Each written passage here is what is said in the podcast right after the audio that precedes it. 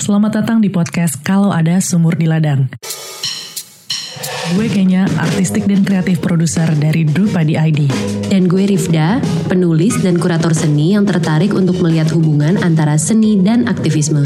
Perbincangan dalam podcast ini adalah obrolan kami dengan para seniman, kurator, penampil, penulis, dan pegiat budaya lainnya untuk mendiskusikan karya-karya mereka dan keterhubungannya dengan realitas dan dunia di sekeliling kita. Kami bertujuan untuk menyisipkan perbincangan akrab mengenai seni dalam kehidupan sehari-hari, menghapuskan jarak antara publik dan dunia seni yang terkadang sulit dipahami. Sambil makan, berkendara, atau melakukan tugas sehari-hari, kamu bisa jadi tahu kenapa sih seniman berkarya dan mengapa seni mempunyai peran penting untuk membayangkan masa depan bersama. Perbincangan-perbincangan pilihan kami akan selalu dikelilingi oleh tiga pertanyaan utama. Pertama, sejarah. Lewat sejarah, kita akan bersama-sama belajar dan merefleksikan apa peran seni dari zaman ke zaman. Karena kebudayaan terus berubah dan berkembang, bukan? Yang kedua, kolektivisme atau kebersamaan. Contohnya, gimana sih spirit komunal di Indonesia mempengaruhi pola berkarya seniman sekaligus menginspirasi mereka? Ketiga, pertanyaan seputar inklusivitas. Seperti bagaimana seni dapat mendukung terbentuknya masyarakat yang inklusif dan mengajak kita semua masuk ke dalam perbincangan-perbincangan penting yang terjadi di dunia sekitar kita.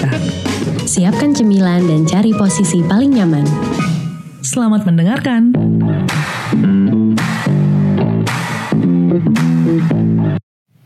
Hai, selamat bergabung kembali. Um, kali ini agak sedikit spesial karena Drupadi ID bekerja sama dengan New Art Diskusi Ruang Tengah.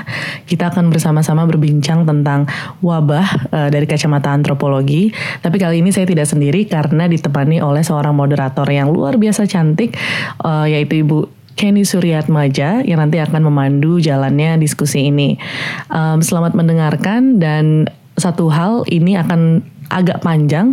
Jadi mungkin teman-teman yang mendengarkan via podcast bisa mengelola waktunya dengan baik untuk bisa mendengarkan informasi secara menyeluruh.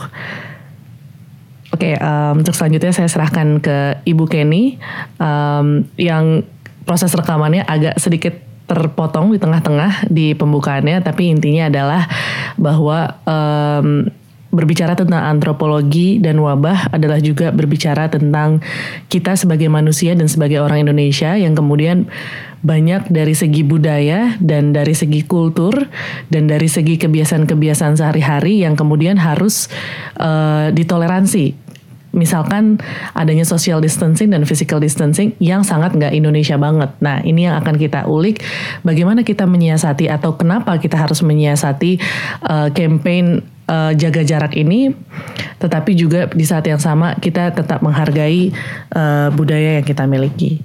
Langsung aja ke Ibu Kenny informasi tentang wabah ini sebuah musibah besar bencana buat kemanusiaan se yang berlangsung secara global yang terasa secara global dampaknya uh, dan kali ini bencananya bukan pure alam seperti gempa atau tsunami atau apa tapi memang walaupun bendanya dari alam juga tapi tak kasat mata karena dia tidak bisa kita lihat cuman dampaknya sangat besar.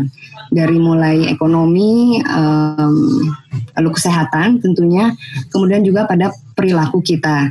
Kita orang yang biasa salim sekarang tiba-tiba harus dadah-dadah dari jauh lalu tadinya sangat sosial nongkrong-nongkrong di warung kemudian sekarang dibilang harus tinggal di rumah. Uh, itu adalah sebu ada gap ya ada ada ada sesuatu yang tiba-tiba diserabut dari hidup kita. Dan karena kita ngomongin ini manusia namanya juga social distancing physical juga physical manu manusia physical distancing itu tentu um, sangat menarik kalau dilihat dari kacamata antropologi. Oleh sebab itulah saya panggil teman saya Ibu Sally Beliau adalah dosen saya, tapi kemudian menjadi teman yang baik sekali untuk berdiskusi. Terima kasih Bu Seli Riawanti sudah hadir di sini. Beliau akan menjadi pemantik diskusi dengan memberikan paparan uh, tentang gimana sih ada ada kajian apa sebelumnya di dunia antropologi uh, mengenai wabah. Karena kita sebenarnya seharusnya sudah cukup terlatih.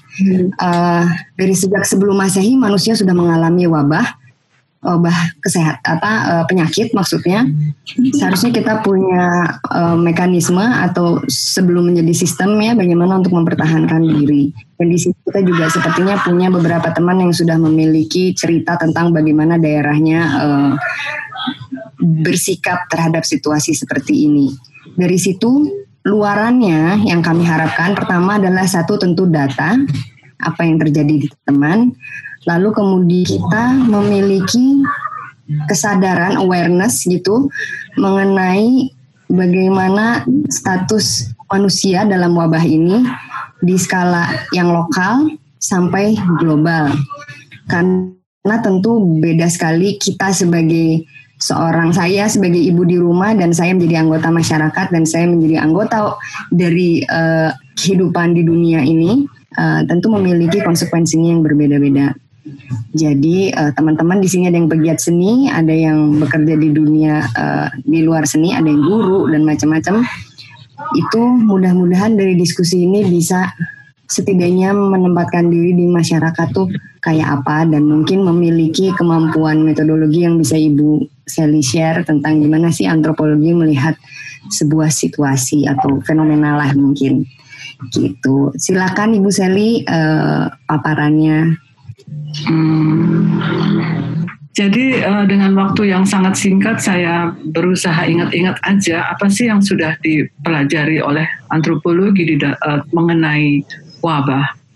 Mungkin uh, saya teringat pada suatu bacaan sebetulnya bukan tentang bukan tentang wabah tetapi tentang bencana. Ada uh, suatu tulisan tentang bencana badai Katrina di Amerika Serikat. Lalu uh, di situ banyak korban, tetapi setelah dipelajari sesungguhnya korban itu ada pola sosialnya. Jadi judul buku itu sangat menarik. Katanya there is no such thing as natural disaster. Yang natural itu hazardnya, tetapi disasternya akibat dari uh, hazard itu, akibat dari badai itu adalah sosial. Begitulah, saya juga melihat wabah kira-kira, saya kira antropologi melihat wabah juga akan seperti itu. Jadi kalau wabah sendiri kita artikan sebagai penyakit menular luas yang menyebabkan banyak kematian, asal muasal wabah itu mungkin dari alam, mungkin bakteri, mungkin virus yang sekarang kita virus ya. Uh, tetapi wabah dia menjadi wabah itu terkait sangat erat dengan cara hidup manusia.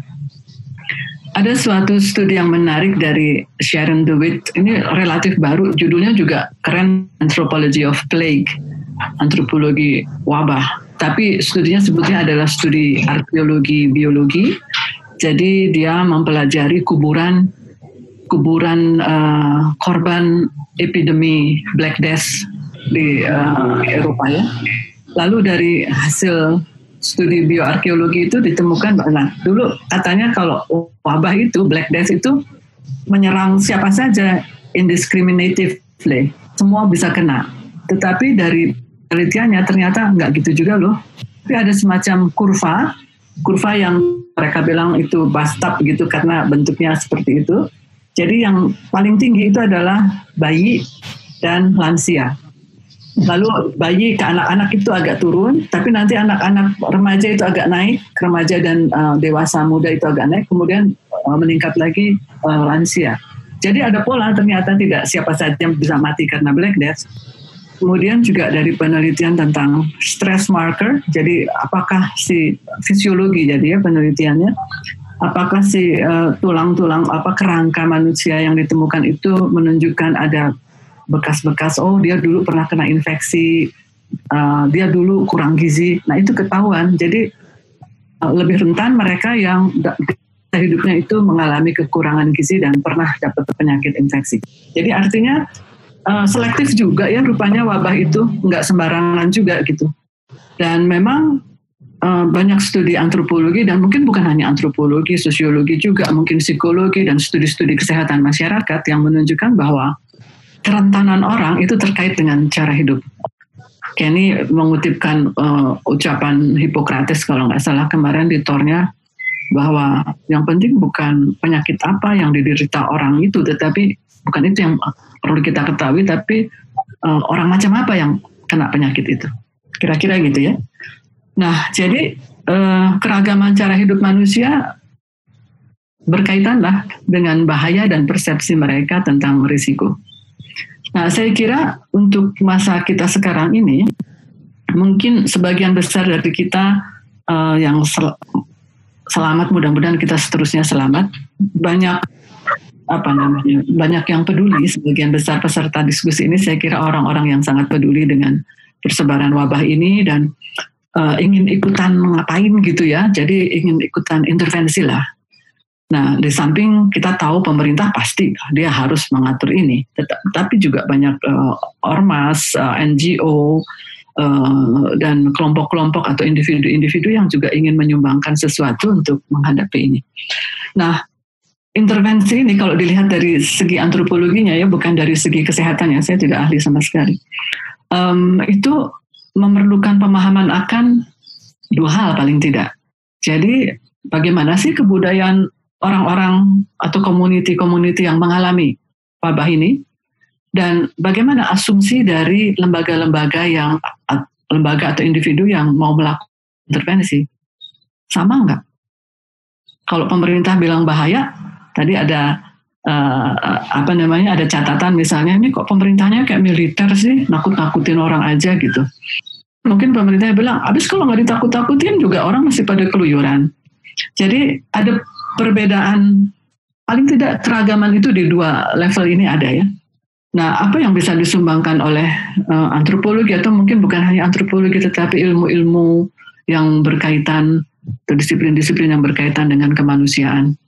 Mungkin bukan langsung yang konkret-konkret tetapi uh, semacam konsep atau teori yang membantu kita uh, untuk berpikir uh, memahami keragaman bukan hanya keragaman tapi juga mungkin uh, pertentangan, persimpangan jalan di antara para uh, di antara kita lah sebagai orang yang potensial jadi korban, korban, uh, uh, orang yang mau menolong dan seterusnya. Antropologi bisa menyumbangkan uh, atau memikirkan, mengumpulkan data tentang, mendokumentasi tentang bagaimana kebudayaan digagas dan diwujudkan dalam program-program penanggulangan uh, wabah ini. Wabah ini dianggap sebagai apa? Jadi ada konsep-konsep apa yang yang berkembang di dalam masyarakat kita ya. Kemudian penting juga kita untuk mempelajari sebetulnya dari para praktisi. Jadi dalam hal pengetahuan, persepsi tentang risiko itu di antara yang korban dan mereka yang uh, uh, mau memberikan dan praktik ini orang-orang yang memberikan uh, membantu memberikan bantuan pendampingan dan sebagainya itu ada di tengah-tengah itulah kira-kira. Dia mesti paham uh, dua-duanya. Ada orang yang mengatakan oh kalau nolong orang Jawa tuh gampang karena ada kebudayaan gotong royong begitu mereka pergi ke Jawa oh ternyata udah nggak ada lagi tuh gotong royong. Nah jadi seperti itu. Atau ada uh, program uh, waktu penanggulangan bencana tsunami di Aceh itu saya ingat. Mau memberikan bantuan perumahan Terus si orang-orang sibuk lah mencari tanah, mengukur tanah, mengumpulkan bahan untuk perumahan. Terus ada seorang penduduk setempat, perempuan tua, dia lewat, dia bilang, kamu nggak usah bantu kami bikin rumah katanya. Kamu tolong benerin aja itu saluran irigasi. Terus apaan sih nenek-nenek ini mau dikasih rumah malah dia minta benerin saluran gitu. Tapi kebetulan ada seorang uh, apa dari kelompok yang mau memberi bantuan kelompok pendamping ini mau mendengarkan nenek itu. Lalu dia ikutin nenek itu ke mana-mana. Akhirnya ketahuan bahwa kalau irigasi yang rusak itu dibentur dibetulkan maka akan mencegah banjir memberikan juga sumber air bagi rumah-rumah. Jadi rumah orang bisa bikin sendiri dengan berbagai kualitasnya. Nggak usah dibikinin juga nggak apa-apa. Tapi irigasi mereka nggak bisa bikin sendiri. Nah setelah mempelajari itu jadi baru oh ya ternyata kita perlu mendengar lebih banyak ya dari korban ini. Nah, uh, saya membandingkan misalnya dengan ini kita kan banyak informasi ya dari medsos. Apa yang terjadi di India? Lockdown total, transportasi ditiadakan, nggak ada bis. Akibatnya orang mesti jalan ratusan kilometer untuk pulang. Dan kenapa mereka pulang? Karena kalau mereka tinggal di kota, sebenarnya banyak seperti banyak yang dialami oleh pekerja sektor informal kita, kalau tinggal di kota, nggak ada kerjaan, mesti bayar kontrakan, bayar pondokan. Mati juga di kota. Ya lebih baik mati di kampung halaman. Gitu. Jadi uh, ada kebutuhan yang nggak dipahami oleh ada perbedaan lah ya, perbedaan persepsi tentang risiko, bahaya dan sebagainya di antara pemerintah atau lembaga-lembaga yang mau mengendalikan COVID ini dengan uh, rakyat. Nah, gimana caranya tahu keragaman? Antropologi banyak sih katanya sih kita uh, suka menyombongkan diri sebagai bidang ilmu yang uh, tahu banyak tentang keragaman budaya. Ada macam-macam cara antropologi mengetahui dan menyampaikan keragaman budaya itu ya. Ada dengan konsep keanekaan deskriptif. Aneka aja pokoknya ada orang Punan begini orang Bali begini orang Sasak begini orang Jawa begini orang Aceh begitu. Tapi itu kalau kita tahu itu so what itu uh, keanekaan ya baguslah kebinekaan tapi itu hanya seperti kita tahu tentang macam-macam cara hidup orang saja so what habis itu Nah, kemudian ada juga yang uh, merumuskan atau menggambarkan keanekaan dari aspek kehidupan tertentu, keanekaan etnis, keanekaan uh, agama, keanekaan geografis, uh, dan uh, status sosial, kelas sosial barangkali. Itu juga mungkin berguna, tapi so what? Apakah wabah akan memilih nih orang Jawa aja deh yang jadi korban, orang Aceh nggak usah, nggak juga kali ya. Atau Islam aja, Kristen nggak usah, mungkin tidak juga. Nah, jadi uh, dua cara mengonsepkan ke keragaman ini menurut saya mungkin kurang berguna bagi kita sekarang. Kebetulan saya menemukan uh, ya bukan baru ya, ini udah agak lama juga suka mengungkapkan ini. Jadi keanekaragaman budaya kita bisa lihat juga bukan dari jenisnya per se, bunan, iban, segala macam di Kalimantan, tetapi dari skala kebudayaan itu. Jadi uh, ada kebudayaan-kebudayaan, ini saya pinjam dari John Bodley, uh, tentang skala kebudayaan. Jadi ini adalah tentang uh, hierarki, semacam susunan, dari ke uh, lingkup operasional kebudayaan tersebut. Ada kebudayaan-kebudayaan yang skalanya kecil, Punan, orang rimba di Jambi, uh, banyak suku bangsa di uh, Papua, ya Pak Frans, seperti itu. Kecil, mereka punya pengetahuan yang lengkap tentang hidup, di lingkungannya tapi lokal levelnya lokal. Jadi obat apa yang mesti dipakai upacara apa yang mesti dilakukan mengisolasi orang kayak orang Punan atau kayak ada juga suku-suku bangsa lain yang punya tradisi semacam itu uh, kalau ada orang sakit ya dikucilkan dulu lah dia sebentar hmm? kalau sakitnya berbahaya bahkan dipasung kayak gitu ya uh, ada tapi itu lokal, jadi efektif, operasional dan efektif buat mereka. Dan yang lokal itu relatif homogen, jadi suatu uh, tipe perlakuan relatif berterima di kalangan semua warga uh, masyarakat yang kebudayaannya seperti itu. Nah, uh, tapi nggak bisa kan dipraktikan cara punan dipraktikan atau cara sasak dipraktikan ke seluruh Indonesia nggak usah seluruh Indonesia, satu provinsi aja belum tentu itu berlaku karena dia lokal banget. Nah kemudian uh, itu satu. Yang kedua ada skala kebudayaan yang skalanya lebih luas dan ada pusat kayak negara. Jadi kerajaan, republik, whatever lah bentuk negara itu, itu terdiri dari dia mencakup beberapa lokal, tapi kemudian ada pusat. Nah pusat ini yang merumuskan apa yang bagus buat satu negara itu. Nah um, ini uh, fokus dari uh, kebudayaan yang berskala seperti ini dengan kekuasaan pusat ini adalah mempertahankan politik uh, uh, negara gitu ya. Nah kemudian ada lagi kebudayaan yang wah udah tersebar luas di seluruh dunia. Ada pusat-pusatnya, ada sumber-sumbernya, tapi itu sudah kita jadikan rujukan untuk hidup sehari-hari. Kenapa kita mesti sekolah? Emang dari mana asal muasal itu sekolah? Dari barat kita dapat dari orang Belanda mungkin, sebagian dari orang Portugis, sebagian dari mana orang Inggris. Uh, itu sudah kita pakai. Kenapa kita pakai uang? Kenapa nggak barter? Ya itu sudah kita sudah hidup di dalam uh, kebudayaan yang berskala global ini. Jadi kebudayaan sebagai cara hidup ya. Kita udah pakai sekolah, pakai uang itu global. Kita nggak bisa uh, menghindar dari situ. Nah, negara kayak Indonesia itu punya tiga skala kebudayaan itu yang lokal, yang nasional dan yang global. Yang nasional ya notabene itu juga masih cari terus kita membentuk terus maklum kita masih muda ya baru 70 tahun. Belum semapan Amerika Serikat yang udah 300 tahun gitu kebudayaan uh, nasionalnya.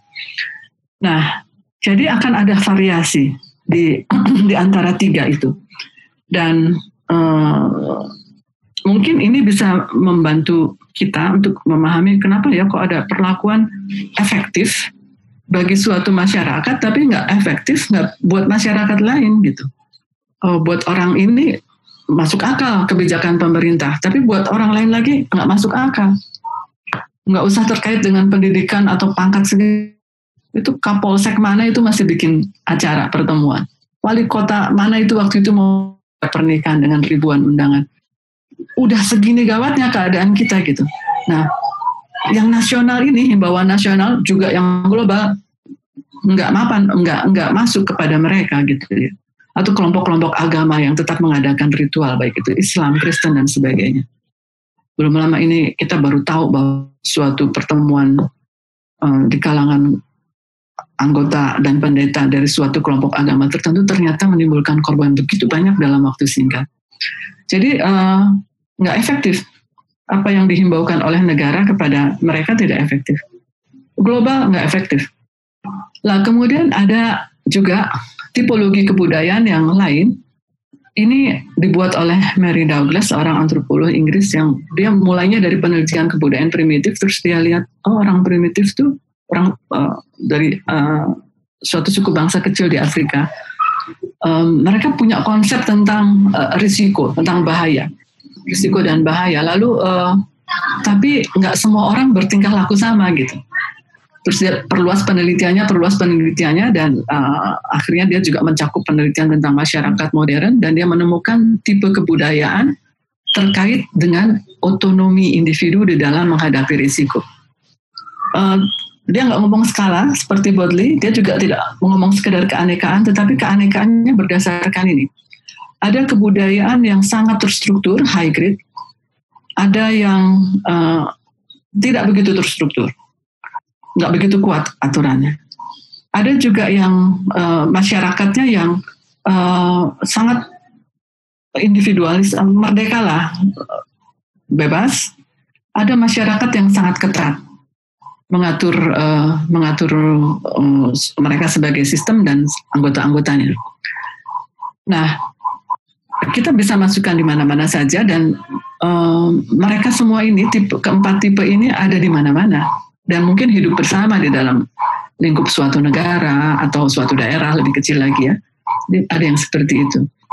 Nah, ada uh, yang ini sangat hierarkis, ini high grade, masyarakatnya sangat terstruktur, kebudayaannya sangat ketat, masyarakatnya juga sangat terstruktur. Ini yang paling tinggi ya.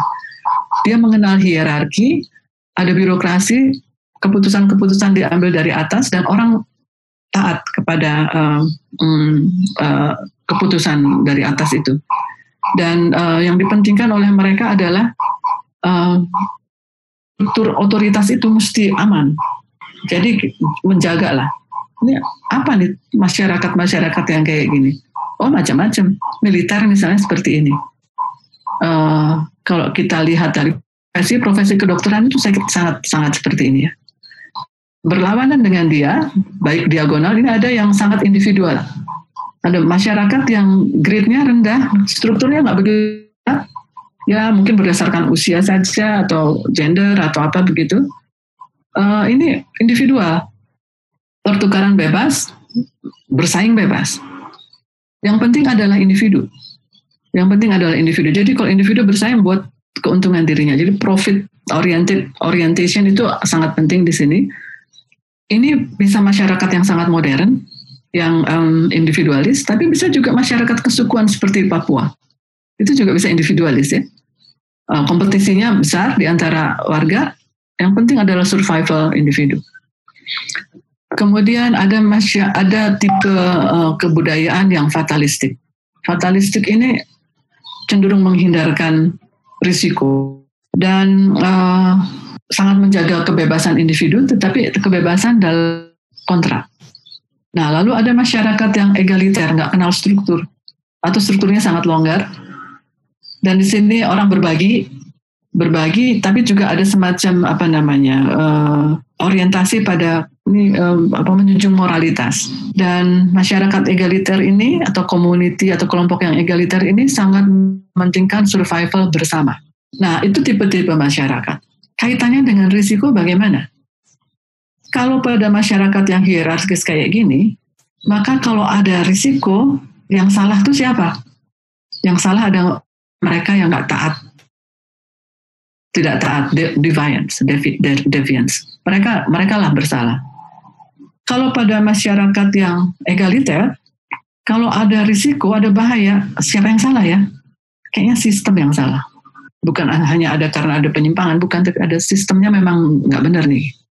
Pada masyarakat yang mementingkan individu, kalau ada risiko, ada orang jadi korban atau apa, ya salahnya sendiri. Dia incompetent, nggak bisa jaga dirinya, atau tidak cukup kuat untuk bersaing, sehingga dia uh, menghadapi risiko. Dan masyarakat yang fatalistik, ini yang apatis, ikut-ikut aja, apa taklid kayak gitu. Itu kalau ada risiko, ya itu nasib. Kira-kira gitu ya. Nah, ini gambaran garis besar dari uh, uh, Douglas tentang uh, tentang tipe-tipe kebudayaan dan risiko.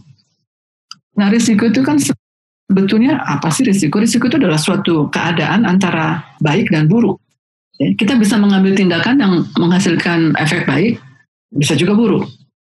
Jadi sebetulnya konsep risiko itu mengandung pengertian kita bisa pilih mau begini atau mau begitu. Mau mati karena COVID atau mau mati karena kecapean jalan uh, kayak orang-orang India itu, jalan pulang ke kampung. Itu dua pilihan. Jadi ada ada pilihan ya, ada risiko.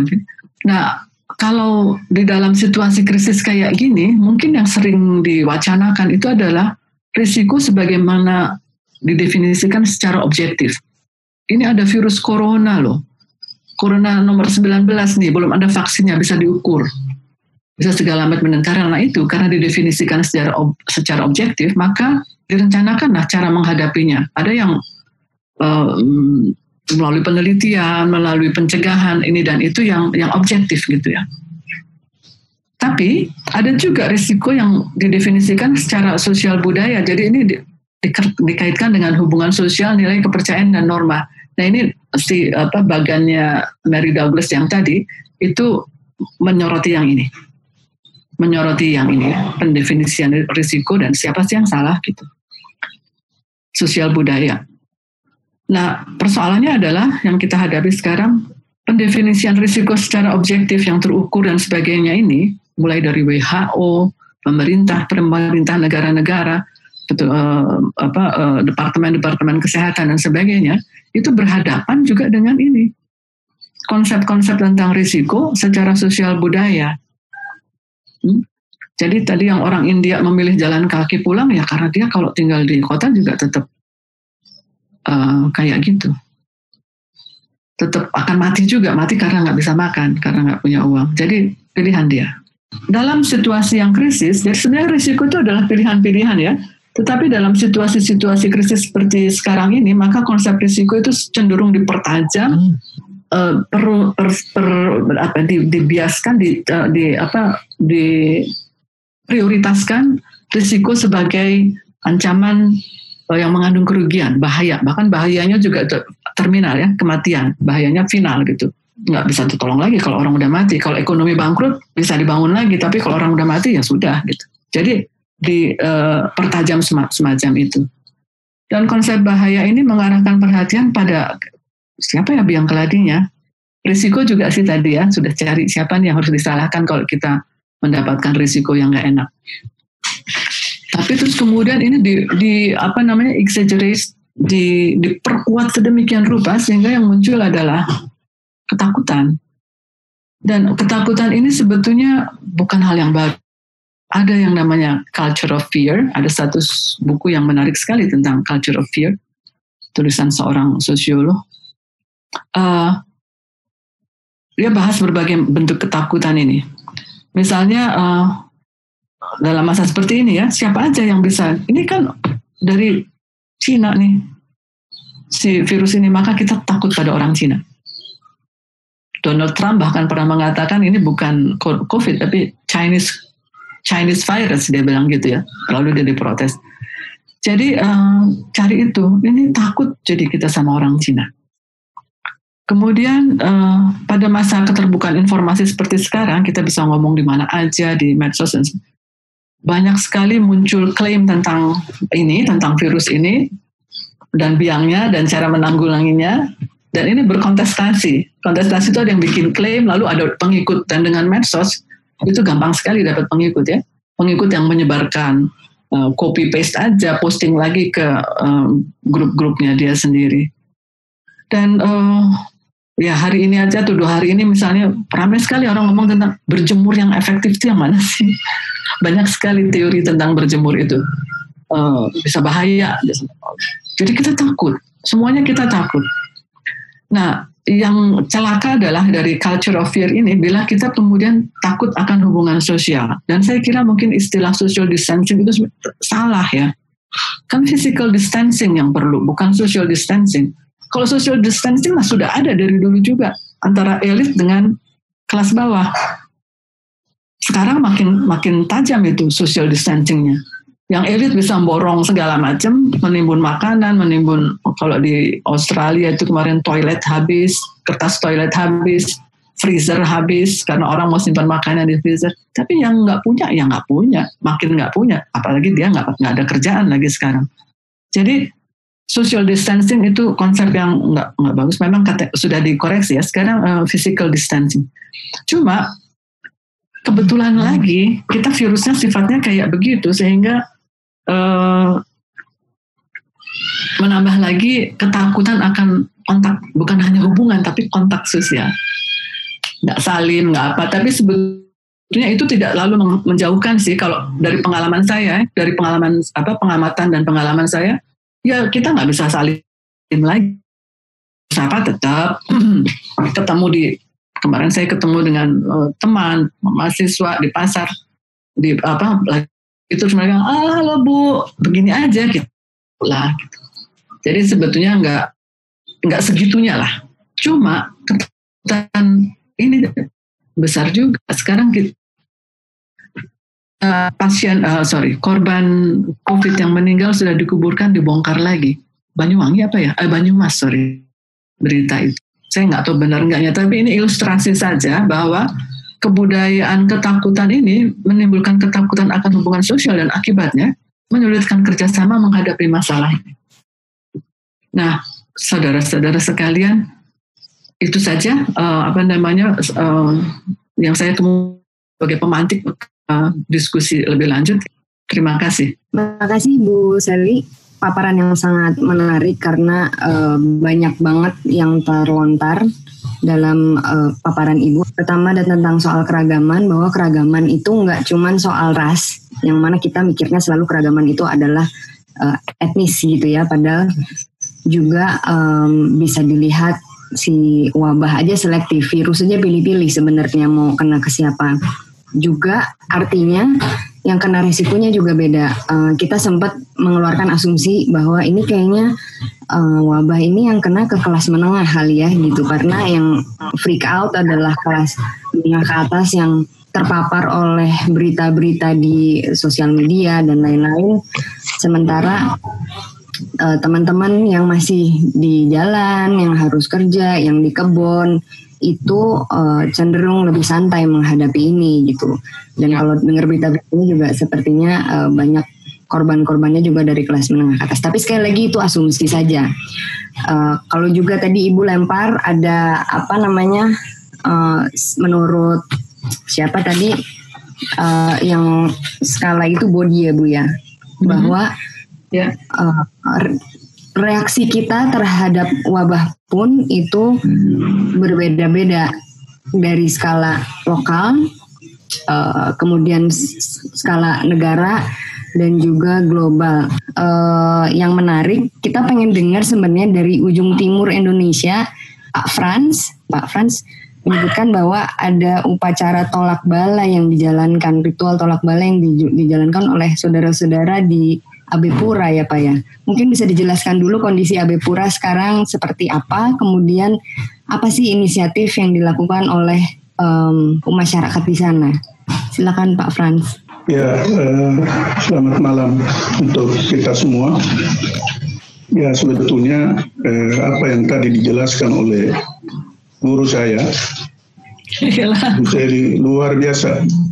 Dan itulah yang sebetulnya mendasari orang-orang di sini memilih cara tradisional mereka untuk menghadapi wabah ini. Karena masyarakat, misalnya etnik biak itu sudah karena berulang kali terjadi wabah, wabah entah itu penyakit, segala macam penyakit, sehingga mereka punya cara sendiri untuk mengatasi itu terutama selalu semacam menyuruh kepada eh, masyarakatnya bahwa ini bukan hal baru, jadi tidak perlu takut.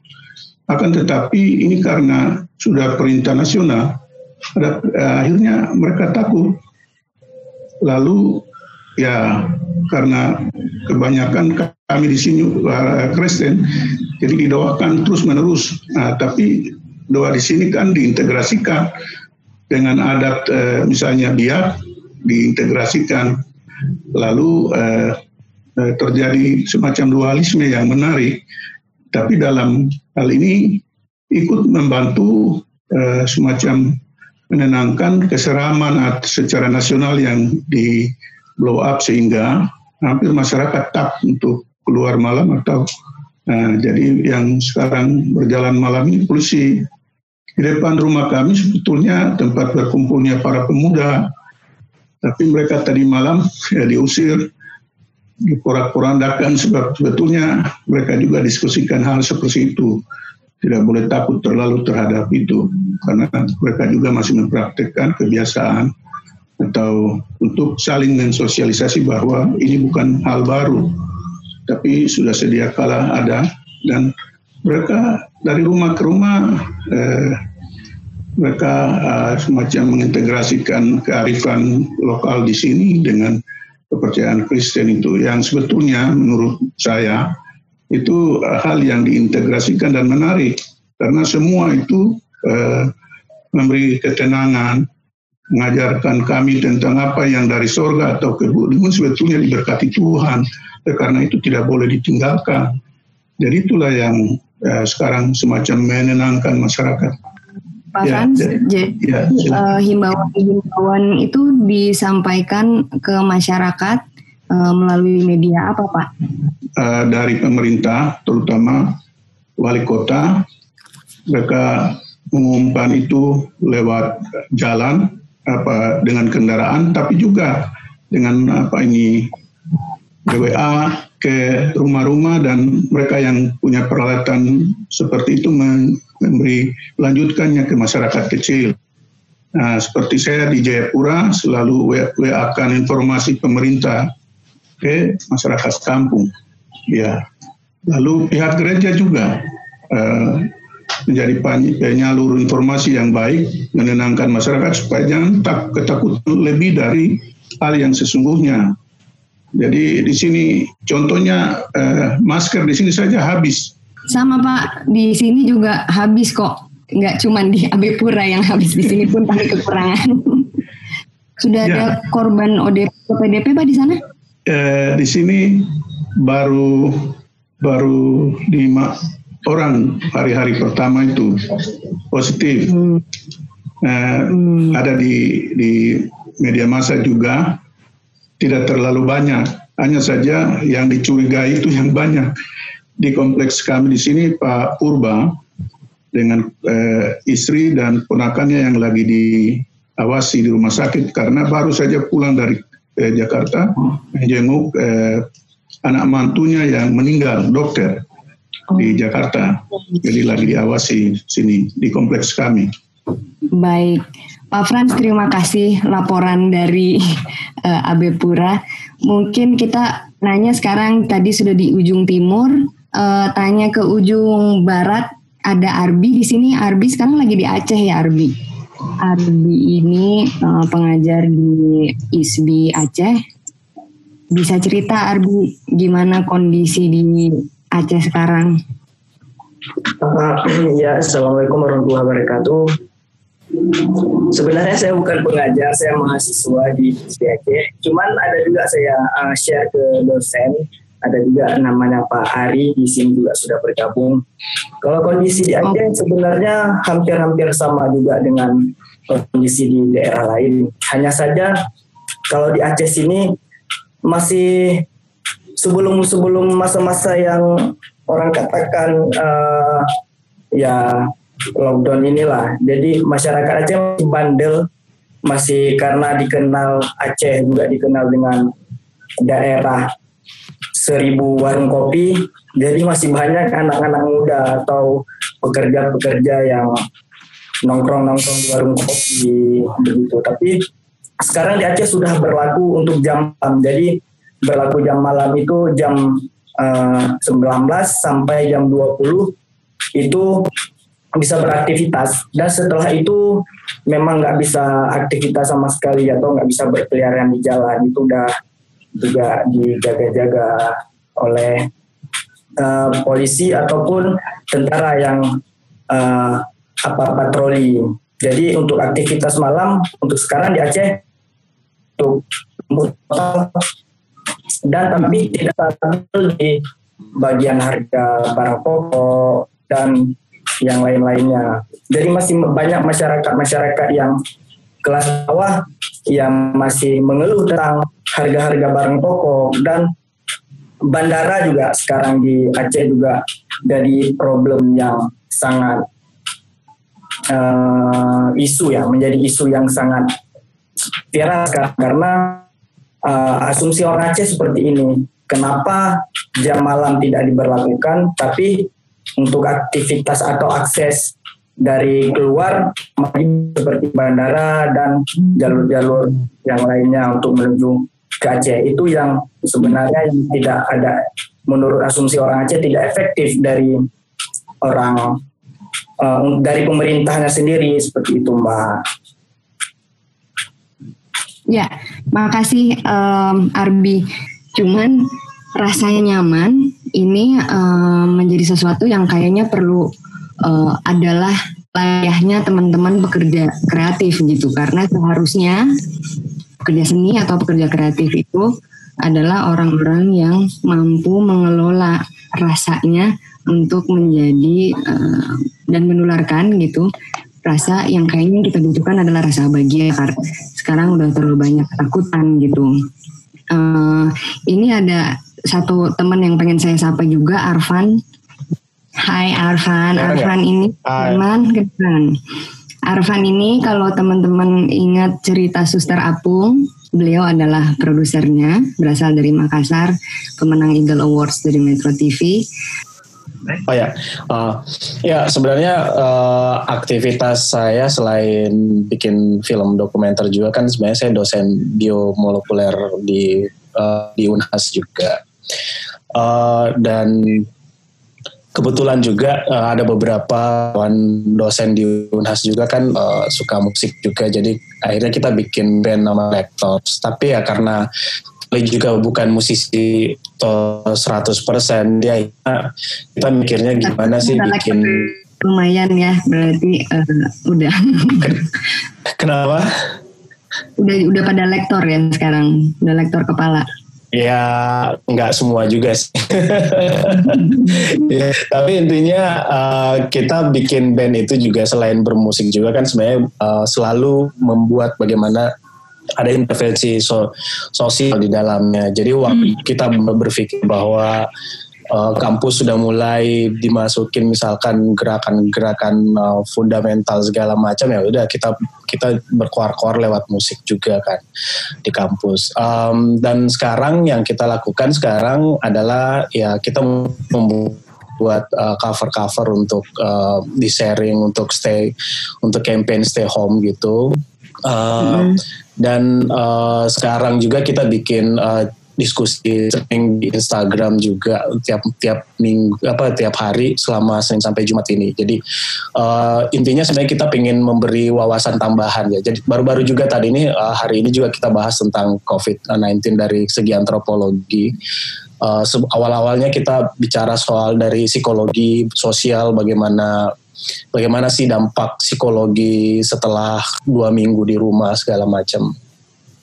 Uh, jadi itu yang sih yang kita lakukan. Jadi bikin uh, kemarin juga yang paling banyak nonton kemarin itu uh, waktu kita membahas uh, COVID-19 ini dari segi ilmu kesehatan tapi dibarengin sama tentang sejarah pandemik juga. Bahwa kayak di Makassar sebenarnya juga imba ada masalah juga kan waktu tahun 1918 itu waktu wabah flu Spanyol ternyata uh, kita juga berdampak juga. Dan bagaimana kenapa bisa beribu-ribu orang di Sulawesi juga meninggal karena flu Spanyol itu uh, ya juga karena mirip seperti ini. Ada fase-fase ada empat fase dari dari pandemik ini kan yang kemudian kita uh, lost. Jadi misalkan fase menunggu kita menunda kita selalu mengingkari bahwa ada pasti ada ada positif ada berapa pemerintah kita berapa lama ya sebenarnya sudah dari Januari sebenarnya harusnya mungkin sudah ada tapi kita selalu menunda-menunda jadi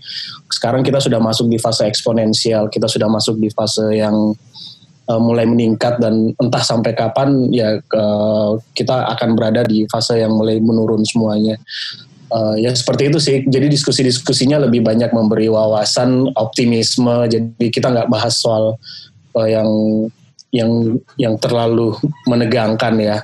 Besok kita justru bicara uh, kita undang Riza untuk bicara soal musik dan film kayak gitu. Thank you Arvan. Uh, iya, kelihatannya sih akhirnya seni nggak lagi berfungsi sekedar untuk uh, media ekspresi gitu ya. Nggak cuman persoalan comforting si uh, senimannya, tapi mestinya uh, juga berperan pada saat seperti ini yang di mana orang-orang uh, membutuhkan sesama. Nah, cuman terkurung di dalam sebuah bubble di rumahnya gitu. Uh, ini adalah potensi seni menjadi media juga untuk media campaign untuk membuat situasi lebih nyaman terus menyampaikan kalau tadi mungkin uh, kita sudah tahu bahwa lapisan negara hanya bisa memberikan mungkin kebijakan yang ber menjadi sebuah doa satu jagat gitu dengan satu kebijakan social distancing secara masif. Itu semua ngerti tapi ternyata kan pada kenyataannya itu nggak berlaku semudah itu. Karena di dalam skala lokal kita punya persoalan-persoalan yang jauh lebih spesifik. Uh, di sini ada Putri Ayudia Put mungkin ada yang mau dibagiin lu Ya, jadi uh, hai semua, aku Putri Ayudya, aku aktor, produser, uh, saat ini di Blend Acting Lab dan juga SI Institute untuk kelas acting. Uh, akan pegang acting for the acting untuk semester ini di SI Institute. Tapi uh, after all, hmm, kayaknya rasanya nggak bisa lepas dari setiap kondisi aktual, terutama terkait bencana. Aku uh, dua tiga tahun di Tagana, Taruna Siaga Bencana dan meskipun secara status duta udah purna tugas dari di bawah Kementerian Sosial, tapi e, rasanya kan sekali masuk grup kayak nggak mungkin keluar ya gitu. Dan kayaknya selalu lihat tiap hari teman-teman turun di lapangan gitu. Terutama e, entah kenapa aku baru sadar gitu begitu sekarang barengan di Mondi Blank Club itu ada namanya eh sorry di Mondi Blank Film Workshop. Nosa tuh kepala sekolahnya by the way Nosa Normanda. Terus uh, Bubu kemarin juga memfasilitasi No Art untuk kita bisa mengadakan sebuah acara terkait dengan kesehatan mental. Nah kali ini uh, kita baru sadar ternyata kalau kita bikin kegiatan sosial kok udah tiga tahun berturut-turut ya ada gitu. Terus kayak ah berarti setiap tahun Indonesia kena bencana gede dong gitu. Soalnya sampai kita ikutan gitu. Ya meskipun nggak gede-gede yang penting kita lakuin, tapi kait dengan kita ngobrol kemarin yang dua minggu yang lalu, terus jadi ketemu sama teman-teman yang lain, ngobrol sama teman-teman yang lain gitu. Eh terus dari bahwa ternyata banyak sekali gerakan yang udah dibangun sama teman-teman seniman gitu. Uh, aku suka banget pertanyaannya Bubu tentang um, apa yang bisa seniman lakukan gitu. Dan tadi diingetin lagi sama Riandi, Kenapa perlu kata kemandirian? Karena kayaknya tanpa disadari sebenarnya kita selalu bergantung sama orang lain. Ternyata ngecek sama bidang-bidang lain, sama pemerintah lah, sama penonton lah.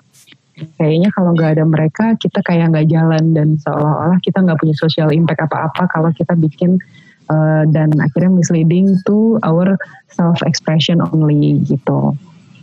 Uh, uh, sejauh ini aku bermain di teater dan di seni pertunjukan dan di film.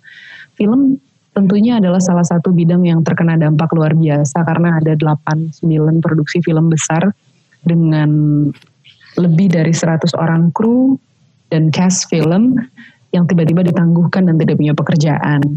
Film apa aja? Film film apa aja?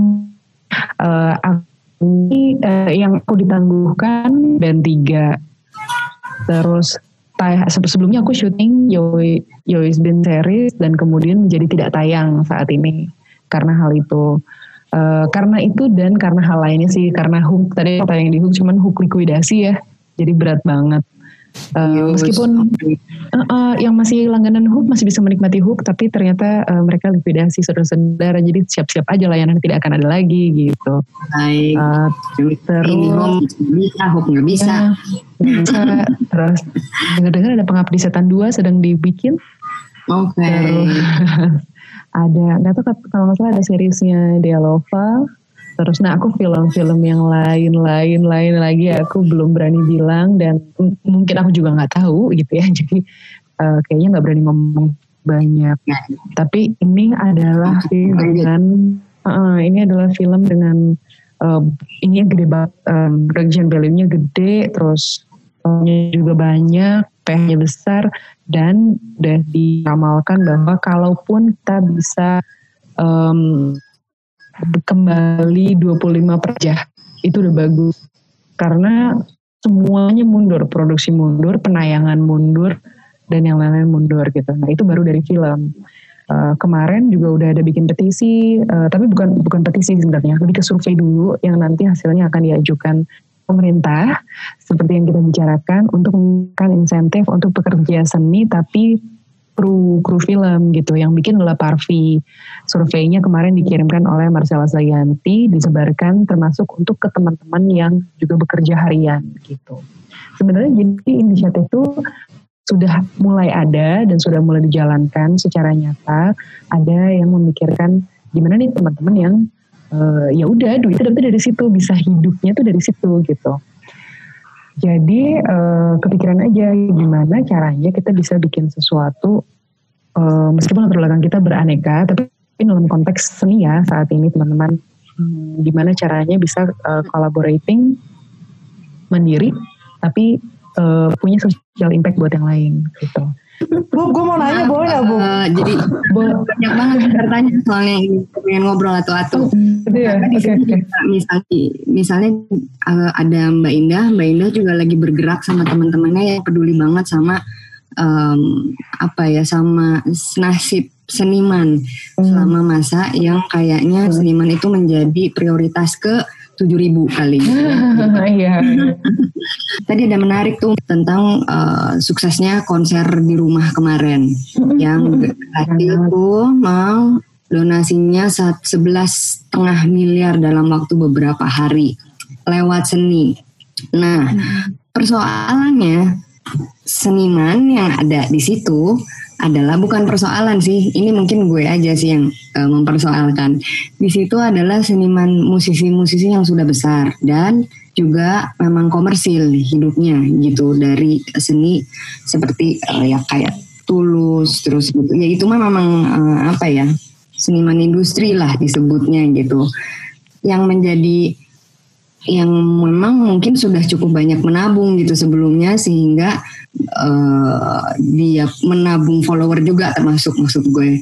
Jadi untuk memonetize uh, baik itu untuk dirinya atau untuk uh, donasi itu sudah punya amunisi yang cukup kuat. Yang menjadi persoalan itu kan sebenarnya adalah keberlangsungan hidup para seniman yang uh, masih militan lah ya kita nggak tahu nih kalau misalnya sampai kata Nosa tadi sampai September nih krisisnya apa yang bisa kita uh, lakukan karena jangankan menjadi seniman teater gitu misalnya.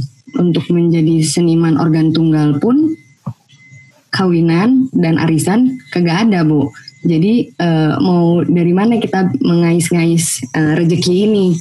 Nah itu sebenarnya pertanyaan yang nggak bisa saya nggak tahu. Di sini mungkin teman-teman yang punya solusi tapi saya hanya bisa memoderasi.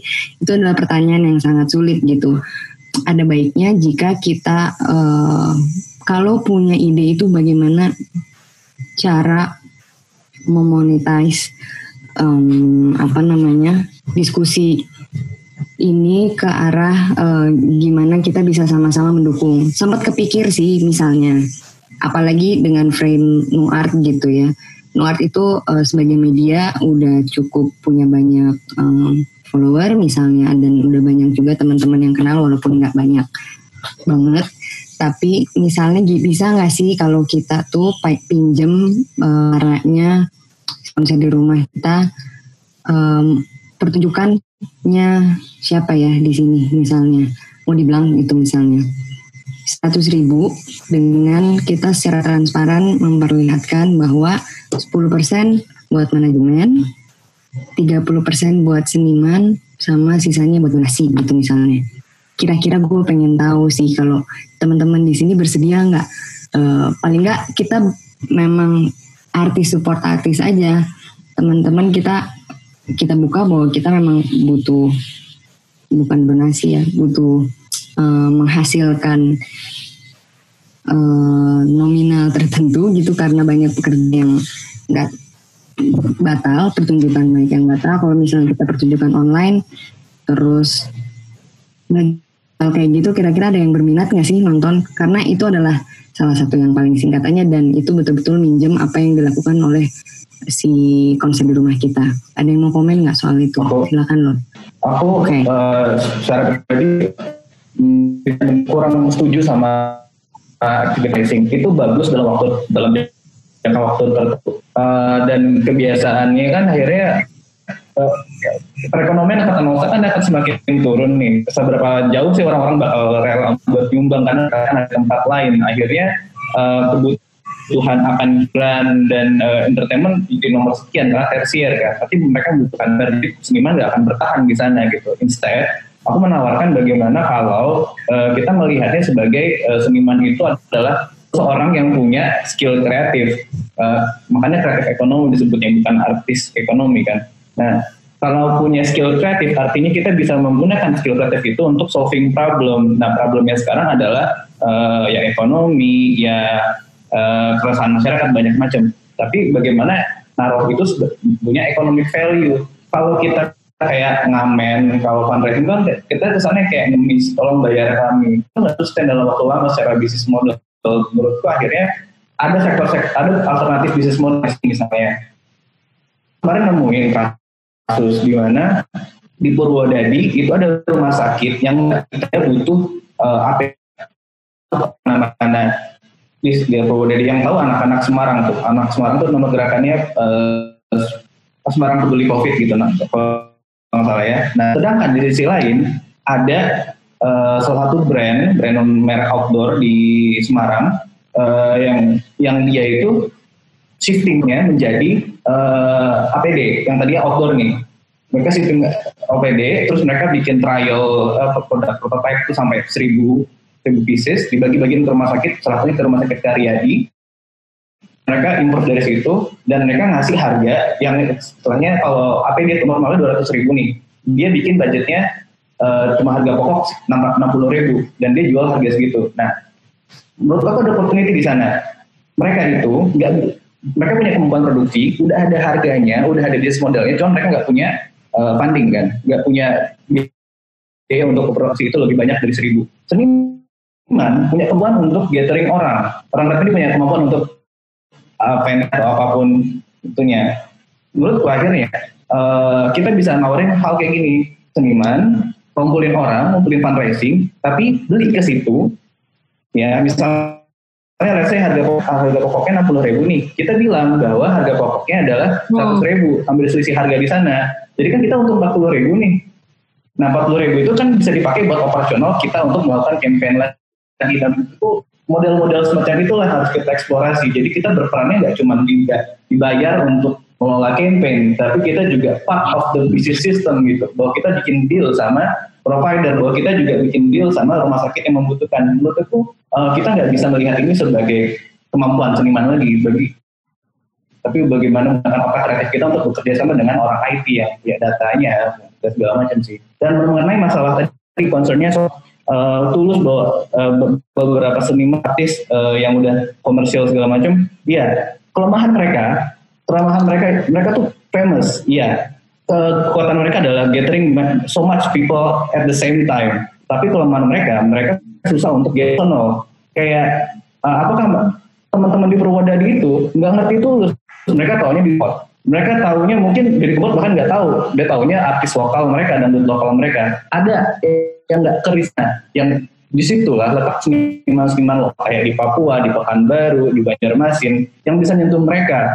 Menurutku gerakan grassroots itu penting bisa kita lakukan. Contohnya kayak Amarta sama Coworks ya, yang mereka uh, berbanyak dorong di mikroekonomi. Mungkin menurutku seniman seniman bisa menggunakan kreativitasnya untuk mendorong cash flow di bidang mikroekonomi itu dengan kreativitas masing-masing.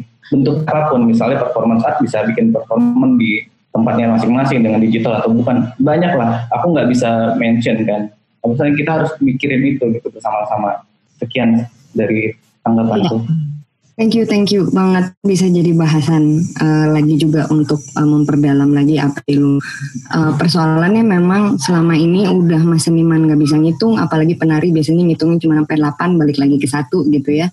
Sekarang tiba-tiba harus berhitung hidupnya. Jadi semuanya yang terjadi sekarang adalah act of survival kayaknya yang ada di rumah sakit terkena terinfeksi uh, virus juga sedang berusaha untuk survive, para juga berusaha, berusaha untuk survive dalam keterbatasan uh, kita juga akhirnya kita kemudian uh, kemudian berpikir tentang esensi mesti ngapain sih gue gitu termasuk menjadi seni juga eh, menjadi seniman juga atau pekerja seni.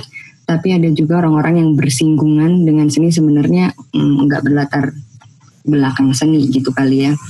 Um, ini cara apa ya cara ngelihat kalau apa yang saya alami di sini gitu um, semua tuh akhirnya ya balik lagi ke sistem ya. Kenapa di sini seniman-seniman yang orang kreatif yang ada di sekitar saya kemudian bersama-sama dengan pemerintah dan art council terutama mereka punya fokus uh, sangat sangat terstruktur. Jadi misalkan dalam tiga bulan ini uh, Maret, April, Mei semua uh, fokusnya misalkan mitigasinya adalah fokus ke kesehatan. Jadi apa pun yang dilakukan seniman adalah upayanya untuk ngomongin tentang bagaimana uh, kita sama-sama menjaga kesehatan atau mengantisipasi kesehatan.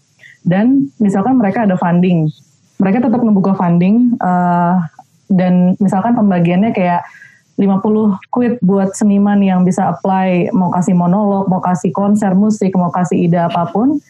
Uh, walaupun kayak cuma 25, 50, tapi mereka ada um, apa namanya value ekonominya di situ.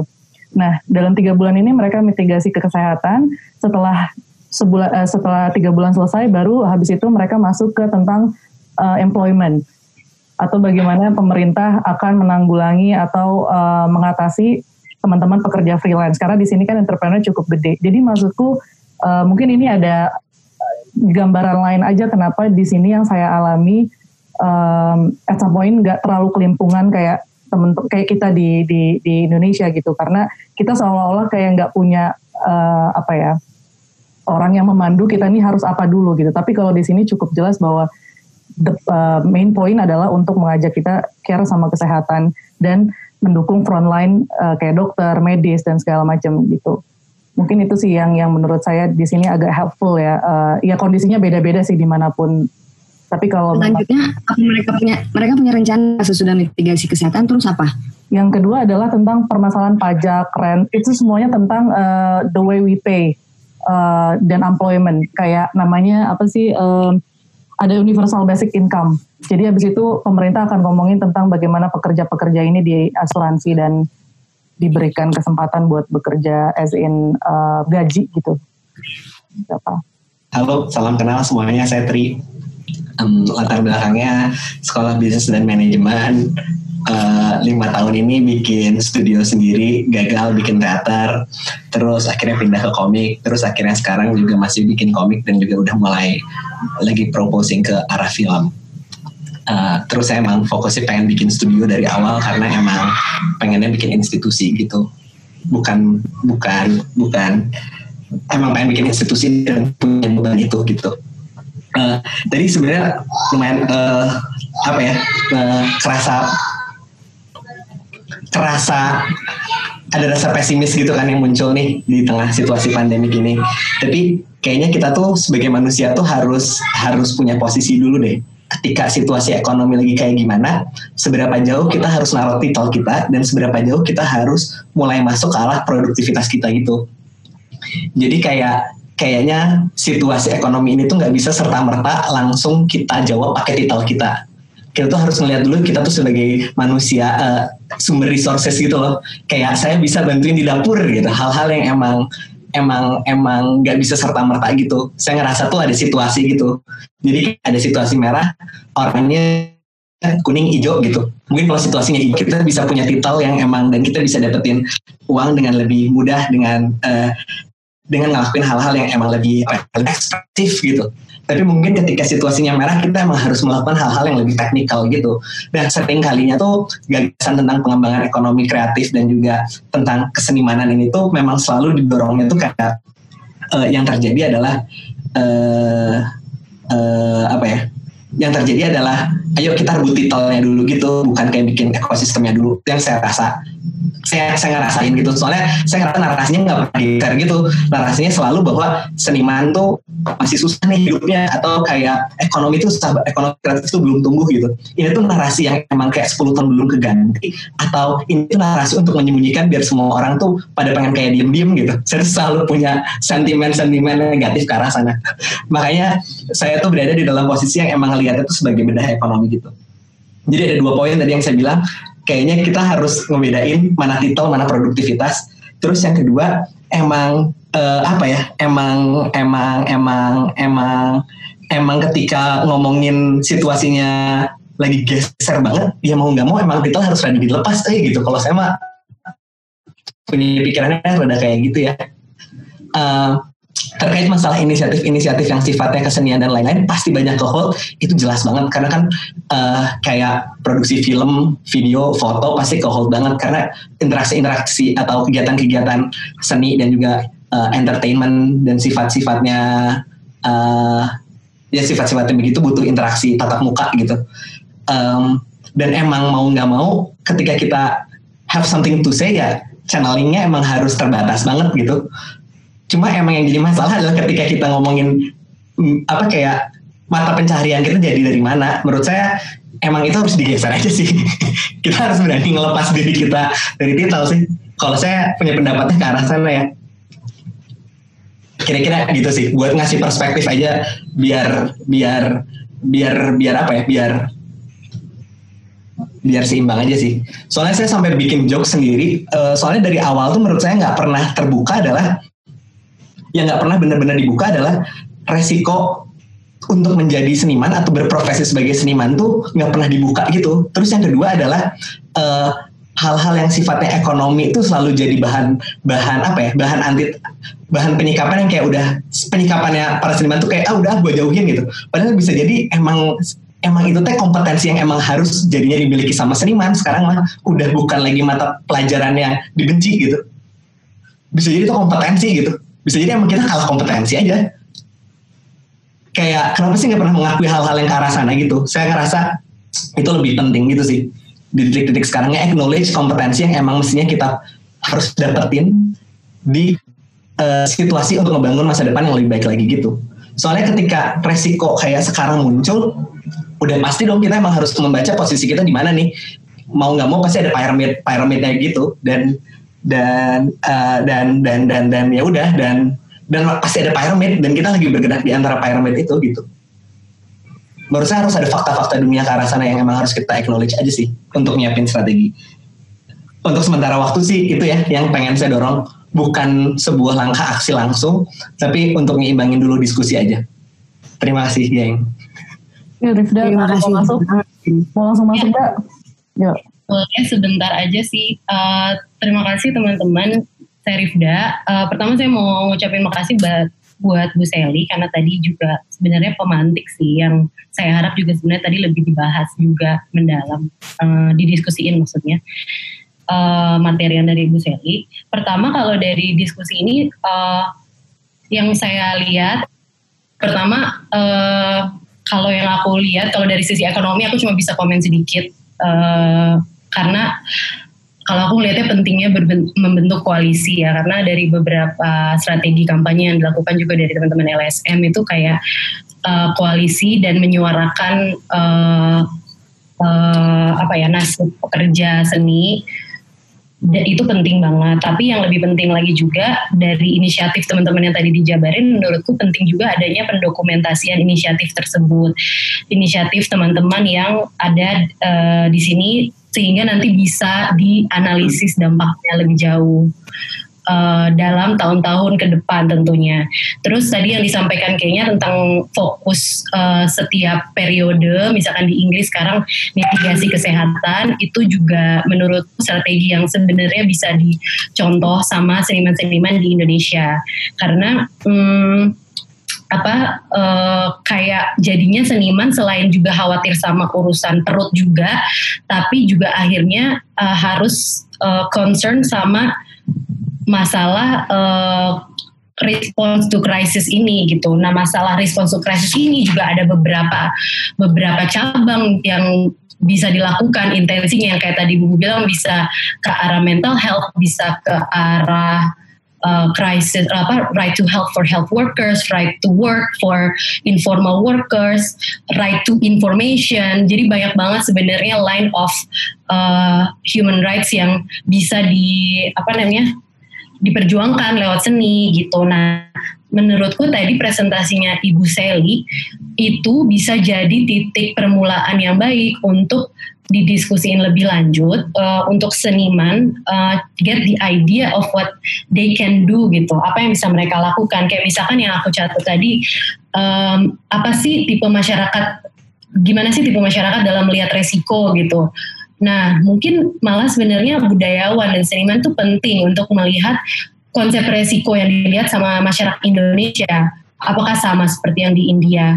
Terus uh, bagaimana konsep resiko yang tadi disebutkan Bu Seli tentang uh, culture of fear gitu. Karena yang aku lihat sekarang bukan cuma di Indonesia tapi di Amerika Serikat juga dan di beberapa negara yang mungkin lebih otoritatif pemerintah itu adanya budaya culture bukan culture of fear lagi tapi culture of fear of fears gitu. Jadi uh, restricting of information di alasannya karena takut menimbulkan kepanikan atau karena uh, sebenarnya kepentingan politik dan segala macam. Nah, itu kan jadinya sebenarnya right to information yang terlanggar kan oleh pemerintah. Nah, di situ misalkan gimana seniman bisa masuk ke isu itu. Ini aku di luar ngomongin dari segi uh, gimana seniman bertahan hidup dan income ya ini memang tentunya perjuangan yang penting juga dan sangat uh, terpisah wacananya tapi menurutku uh, wacana-wacana selain uh, karena aku tertariknya kan sebenarnya dari segi pandang antropologi kan tadinya dari talk ini uh, itu bisa ngasih pandangan ke seniman untuk membuat inisiatif-inisiatif dengan intensi yang beragam gak harus satu uh, sebenarnya cabangnya. Kalau memang ada intensi yang uh, emang untuk mengeratkan tali silaturahmi di masa social distancing ini atau sebenarnya physical distancing yang kata Bu Seli ya bukan social distancing atau malah untuk meruntuhkan social distancing yang selama ini udah ada antar kelas gitu misalkan yang semakin meningkat di masa pandemi ini. Nah itu uh, menurutku uh, penting banget. Jadi juga call, uh, calling uh, pemerintah memang bukan pendekatan yang misalkan tadi data-data dari teman-teman itu bagaimana sih kebijakan pemerintah di daerah-daerah itu tentunya penting tapi menurutku juga penting banget nih mencatat uh, apa inisiatifnya gitu. Dan aku sih sebenarnya mau-mau aja uh, kayak mungkin kayaknya nanti dan uh, Bubu juga bisa bikin semacam sheet yang kolaboratif untuk teman-teman itu jadi kayak open data untuk upload semua inisiatif-inisiatif yang udah disebutkan sehingga nanti itu bisa tersebar juga ke seniman dari daerah-daerah lain. Apakah sebenarnya oh strategi ini bisa gue lakukan nih di daerah gue atau sebenarnya ah nggak bisa karena nggak cocok sama karakter di daerah gue gitu. Jadi itu harus disesuaikan karena kita nggak bisa punya universal approach to solve this. Kita cuma harus bisa makanya ini pentingnya tadi pendekatan antropologi dan aku suka banget makanya Bu Sally uh, untuk membuat approach-approach yang lokal dan uh, tahu karakternya. Itu sih. Ya ya itu yang tadi di share terima kasih lagi di share lagi. Karena menurutku uh, pembicaraannya jadi jadi jadi ter, apa dua banget kalau sekarang. Dan untuk ke depannya bisa dipakai. Oh maaf tuh WhatsAppnya kebuka bu. Siapa ya, jadi tahu. Oh, jadi baca gado-gado kan. Oke. Okay. Ya. Oh, jadi uh, mungkin ini diskusinya jadi bercabang dua banget gitu dan emang itu fokus yang sangat berat dan ber berbeda. Jadi ada yang bertahan hidup dan strategi artistik aktivisme yang bisa di develop sama teman-teman dalam hal raising awareness, calling the government to do the right thing, um, atau uh, raising money kayak narasi TV misalkan for the vulnerable, financially vulnerable communities untuk tenaga kesehatan yang sekarang udah 81 orang positif, Jakarta udah sebelasan belasan orang dokter meninggal kayak gitu-gitu. Uh, jadi I think the most important thing that artist can do and budayawan in, in apa pada umumnya uh, itu uh, menyebarkan informasi. Karena menurutku informasi yang benar dan reliable it's one of the way to fight gitu. Karena susah banget mendapatkan itu di era overwhelmingnya informasi dari berbagai unresponsible sources gitu misalkan. Itu sih tambahan dariku masukan dariku makasih Uh, terima kasih untuk Rifda tadi.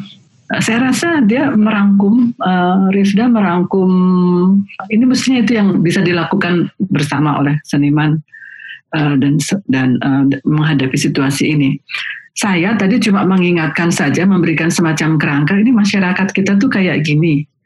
Tapi saya tidak ke empirinya langsung, cuma pakai model-model saja. Ada model-model masyarakat dan kebudayaan yang mungkin perlu kita perhatikan bila asumsi saya sih tadinya diskusi ini antara lain punya tujuan untuk mempersiapkan kita bersama kalau mau intervensi apa yang mesti dipikirin kira-kira kayak gitu. Nah karena forumnya sebagian besar adalah seniman maka keluarlah segala macam tentang nasib seniman masa kini gitu. It's okay uh, buat saya sih nggak apa-apa tuh Rifda. Curcolnya teman-teman tadi. Uh, karena mungkin dimasukkan kalau antropolog kerja kayak gitu kita punya rencana mau meneliti tentang penyakit atau tentang respon orang terhadap penyakit ternyata yang keluar respon orang terhadap dampak dari penyakit dalam bidang ekonomi. Dan berarti itu emang penting. Berarti itu emang penting. Seperti sikap orang India yang jalan kaki 250 km itu ekonomi penting yeah. buat mereka sakit gue kayaknya nggak apa-apa deh. Kalau mati di kampung halaman masih nggak apa-apa kayak gitu. Yang penting aku bisa. Nah jadi memang ada saya eh, tertarik apa menarik juga sebenarnya melihat oh ya di kita lagi diskusi tentang yang gawat-gawat gini apa yang dianggap gawat itu juga perlu kita perhatikan barangkali. Tetapi apa yang Rifda sampaikan tadi harapan harapan uh, terhadap suatu profesi. Kalau antropolog tadi ada yang nulis di chatting, antropolog itu mestinya kerjanya menerjemahkan kebudayaan orang lain ya. Ya itu salah satu tugasnya. Seniman, nah itu Rifda yang tadi uh, mencetuskan. Seniman mestinya ngapain sih? Cobalah dengan cara kreatif, dengan kreativitas seniman. Uh, intervensinya mungkin nggak nggak kasih uang, nggak kasih dana, nggak kasih uh, APD, tetapi membuat mengemas pesan-pesan yang bisa ditujukan kepada berbagai tipe masyarakat tadi, juga kepada pemerintah dan siapa pun orang yang mau apa satu pihak yang mau uh, apa turut uh, berjuang menghadapi ini bersama pesan-pesan apa yang perlu kita perhatikan? Itu juga butuh kreativitas banget. Uh, ya pesan tentang berjemur aja tuh kan aduh bukan main ya. Banyak banget bentuknya sampai pada pusing gitu Mbok ya bikin pesan tuh yang jangan takut takutin orang misalnya gitu. Ini berjemur aja mesti ngitung jamnya. Oh kalau 15 menit jam 10 bisa kena ini kena itu. Yang menambah beban apa eh, beban psikologis kita lah menghadapi ancaman ini risiko yang kita nggak ketahui. Dan sebetulnya saya tertarik juga untuk mengetahui mungkin bisa didiskusikan lain kali. Uh, seniman itu kan uh, karena tantangannya adalah kreativitas dan kreativitas itu kan bukan sesuatu yang di apa di, di direncanakan di hmm, diprogram secara pasti gitu. Jadi seniman juga saya rasa itu sangat biasa, sangat emang hidup juga di dalam uncertainty situasi yang kita sedang hadapi. Cuma sekarang uncertainty-nya itu mengandung ancaman uh, bagi kehidupan kita sebagai um, makhluk hidup ya. Tapi seniman biasa kan sama uncertainty sebetulnya asik juga tuh kalau mungkin seniman punya cara yang bisa membantu kita bersama untuk menyebarluaskan pesan-pesan kesehatan, jaga kesehatan, juga ide-ide uh, jangan putus asa meskipun kita pada kehilangan uh, sumber nafkah, apa sih yang bisa kita lakukan? Uh, kalau biasanya ya tadi yang Rifda bilang ya, ya seniman, eh bukan Rifda, Tri tadi ya, sorry yang mengatakan udah bukan masanya nih buat bagi seniman buat uh, mengeluhkan dia nggak bisa mengekspresikan uh, kesenimanannya ya cari duit dulu sekarang dengan cara apa pun deh. Dengan kreativitas juga. Uh, mungkin itulah sementara yang saya saya nggak punya resep apa-apa ya untuk ini hanya menam, mengingatkan itu saja tadi bahwa uh, ada macam-macam tipe masyarakat tipe manusia otonomi manusia untuk memutuskan dia mau bagaimana itu ter, uh, terkait dengan masyarakat dalam menghadapi risiko. Uh, rasa ada tapi itu kita pikirkan bersama dan saya uh, senang bisa ngobrol sama anda sekalian mendengar juga oh ini tahu concernnya seniman gitu. Seniman-seniman dan atau uh, tadi juga yang usaha-usaha untuk uh, intervensi kemudian juga apa yang diamati di berbagai daerah di Aceh di uh, uh, Papua dan di tempat lain. Terima kasih kesempatan ini. Terima kasih Bu Sali, makasih banyak karena sebenarnya uh, data awal yang Ibu sampaikan, materi awal yang Ibu sampaikan itu bisa menjadi bahan renungan kita semua. Uh, betapa bahwa keragaman itu ketika orang sekali lagi kita dengan naifnya menyatakan keragaman itu cuma etnis, tapi uh, satu pertanyaan saya penting nggak sih kita menentukan posisi kita ada di mana? Di antara keragaman itu. Ketika mau melakukan sebuah program atau uh, bersikap aja terhadap uh, apa yang terjadi di sekitar kita, penting nggak tuh? Positionality, uh, positionality is always important. Di dalam intervensi selalu penting. Tetapi posisionalitas itu untuk menyadarkan kita sendiri gitu sebenarnya. Kita sedang ngobrol sama siapa nih? Sedang mau bantu siapa? Mempertemukan dua pihak, kita mau ke bawah, kita mau ke atas. Jadi positionality uh, bukan untuk uh, berhadapan secara frontal dengan sesuatu ya, tapi uh, kita menyadari itu itu penting sekali supaya kita tahu juga kita mau ngomong sama siapa, caranya seperti apa dan juga menyampaikan kepada yang mau dihadapi itu. Ini loh apa posisi saya dan kepentingan kita juga kayaknya memang sekarang kita harus lebih eksplisit selalu um, tentang itu, tentang um, posisi kita dan tujuan-tujuan kita. Uh, karena kayaknya cuma soal kayaknya soal kesehatan, kayaknya soal seni, tapi itu semua ada implikasi politiknya ya.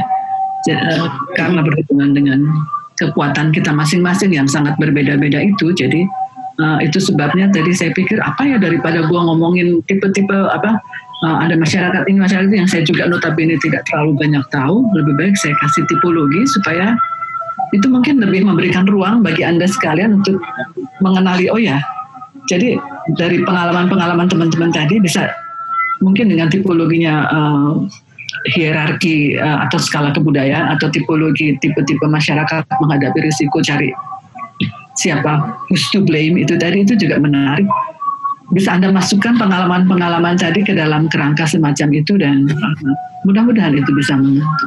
Tapi positionality penting. Terima kasih.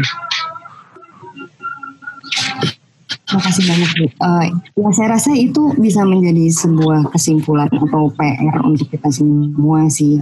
Masalah positioning itu berarti kan kita harus re-identifying lagi kita sekarang mungkin sebelum uh, wabah kita sudah punya sebuah posisi baik secara biologis, baik secara sosial, uh, baik secara psikologis gitu di masyarakat. Tapi Kemudian sekarang dengan adanya wabah nggak ada lagi interaksi fisik. Kemudian uh, secara ekonomi kita juga mengalami perubahan. Kita harus bisa kata Tri tadi itu mengidentifikasi diri lagi. Sebenarnya potensi apa sih yang kita punya?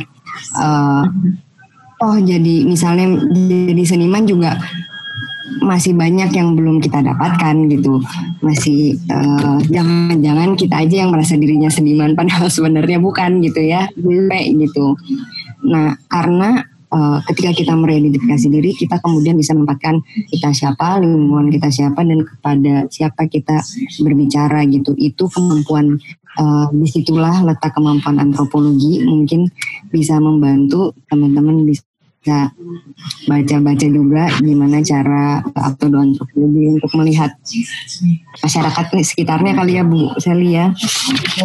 Uh, karena kalau dari obrolan panjang tadi itu um, banyak sekali saya lihat awareness yang muncul uh, bahwa kita ini sangat tidak homogen dan ada gap pengetahuan yang besar antara teori dengan apa yang terjadi di lapangan apa yang diinginkan oleh pemerintah dan apa yang dimengerti oleh masyarakat.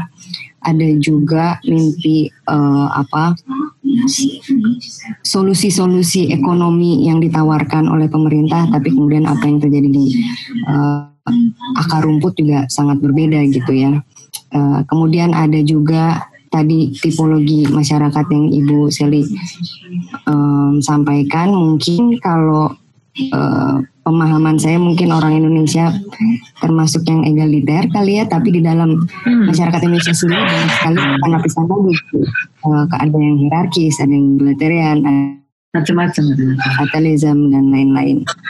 Iya, jadi kita adalah masyarakat masyarakat yang berlapis yang di dalamnya terdapat lapisan-lapisan lagi gitu. Oleh karenanya ketika kita mau bikin program, ini banyak banget inisiatif yang sudah disampaikan oleh teman-teman tadi, itu pun kita mesti tahu untuk siapa kepada siapa tadi. Seperti misalnya uh, putri bagi kita untuk kita, kita kemudian kita juga harus bilang kita ini siapa? Kali kita harus bisa mengidentifikasi dulu yang disebut kita siapa. Jangan-jangan rasa kita ternyata lo nggak nganggap itu kan itu juga harus uh, sangat karena kita kita lagi sering kali menyepelekan hal-hal yang mendasar gitu.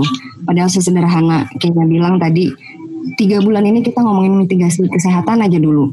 Itu tuh akan membuat semua PR yang sedang berkecamuk di kepala kita juga menjadi lebih mudah gitu. Oh ternyata oke okay, sekarang gue gak usah mikir-mikir yang lain dulu ya berarti mitigasi kesehatan apa pun program yang kita hasilkan. Tadi ada dari Rifda soal open data, makasih banget itu seru dan ini kayaknya udah rame dibicarakan di chat room. Terus juga program itu harus uh, efektif uh, dan juga seniman memang betul harus hidup. Tadi uh, Riyandi sempat ngobrolin uh, menyampaikan idenya, tapi sebenarnya yang penting adalah sustainability dari program ini. Saya pikir banyak banget program donasi. Saya juga udah beberapa kali share program-program teman-teman untuk donasi, tapi sebenarnya itu tuh terus kebutuhannya terus ada gitu. Misalnya teman-teman seni rupa lagi bikin masker um, buat apa namanya tenaga medis, kita kayak cuman sekali donasi itu udah merasa berdonasi. Tapi sebenarnya kan itu harus diproduksi terus karena banyak yang sekali buang juga gitu kebutuhannya. Mereka juga lagi punya kebutuhan untuk gimana ini bisa bertahan ya program gue udah jalan sekali nih sekali kita posting masuk tuh berapa ratus juta gitu tapi sebenarnya kan kebutuhan kebutuhan terus ada sementara secara ekonomi kita semakin sulit gitu bulan ini teman saya bangkir bilang teman uh, bulan ini kita masih cukup aman semua kreditor membayar dengan baik tapi kita nggak tahu apakah akan ada kredit macet atau enggak bulan depan karena ekonomi sudah mulai melemah orang-orang yang nggak kerja nah uh, untuk menutup, saya rasa ini sangat sulit. Uh, untuk berikutnya akan ada diskusi apa, saya akan kembalikan lagi ke Kenya. Tapi sekali lagi saya mau ucapkan terima kasih kepada Ibu Seli yang sudah memantik diskusi yang menjadi ramai banget dan mungkin terasa ke mana-mana. Yeah. Tapi semua data uh, dan cerita, kisah yang disampaikan oleh teman-teman itu sangat menghangatkan dan menemani sore kita semua. Um, saya senang banget tadi sempat sampai ada 50 lebih teman-teman yang berdiskusi di sini. Semoga kita bisa terus uh, ketemu di diskusi-diskusi selanjutnya dan uh, apa yang disampaikan di sini juga akan mempengaruhi program kita selanjutnya. Makasih buat teman-teman. Uh, balik lagi ke judul yang kita angkat buat sesi kali ini kan bertolak dari yang ada dan apa yang disampaikan Bu Sally adalah pengingat yang baik bahwa nggak ada um, apa namanya teknik sapu jagat untuk bisa mengatasi segala problematika kita di mana pun berada. Jadi uh, ini sebagai momen refleksi juga buat teman-teman pegiat apa pun untuk bisa sadar bahwa apa yang kita berlakukan di satu tempat barangkali bisa menginspirasi tempat lain, tetapi juga belum tentu bisa uh, menjadi solusi di tempat lain lagi gitu. Sekali lagi terima kasih, sampai ketemu minggu depan. Stay sane, stay healthy, jangan lupa cuci tangan. Bye bye. Hai, terima kasih sudah mendengarkan podcast Kalau Ada Sumur di Ladang. Jika ada saran dan pertanyaan, silakan hubungi kami di Instagram @drupadiid atau email kami di kontakt.drupadi@gmail.com. Sampai jumpa lagi di podcast Kalau Ada Sumur di Ladang. Boleh kita menumpang mandi. Kalau ada umurku yang panjang, boleh kita berjumpa lagi. Bye.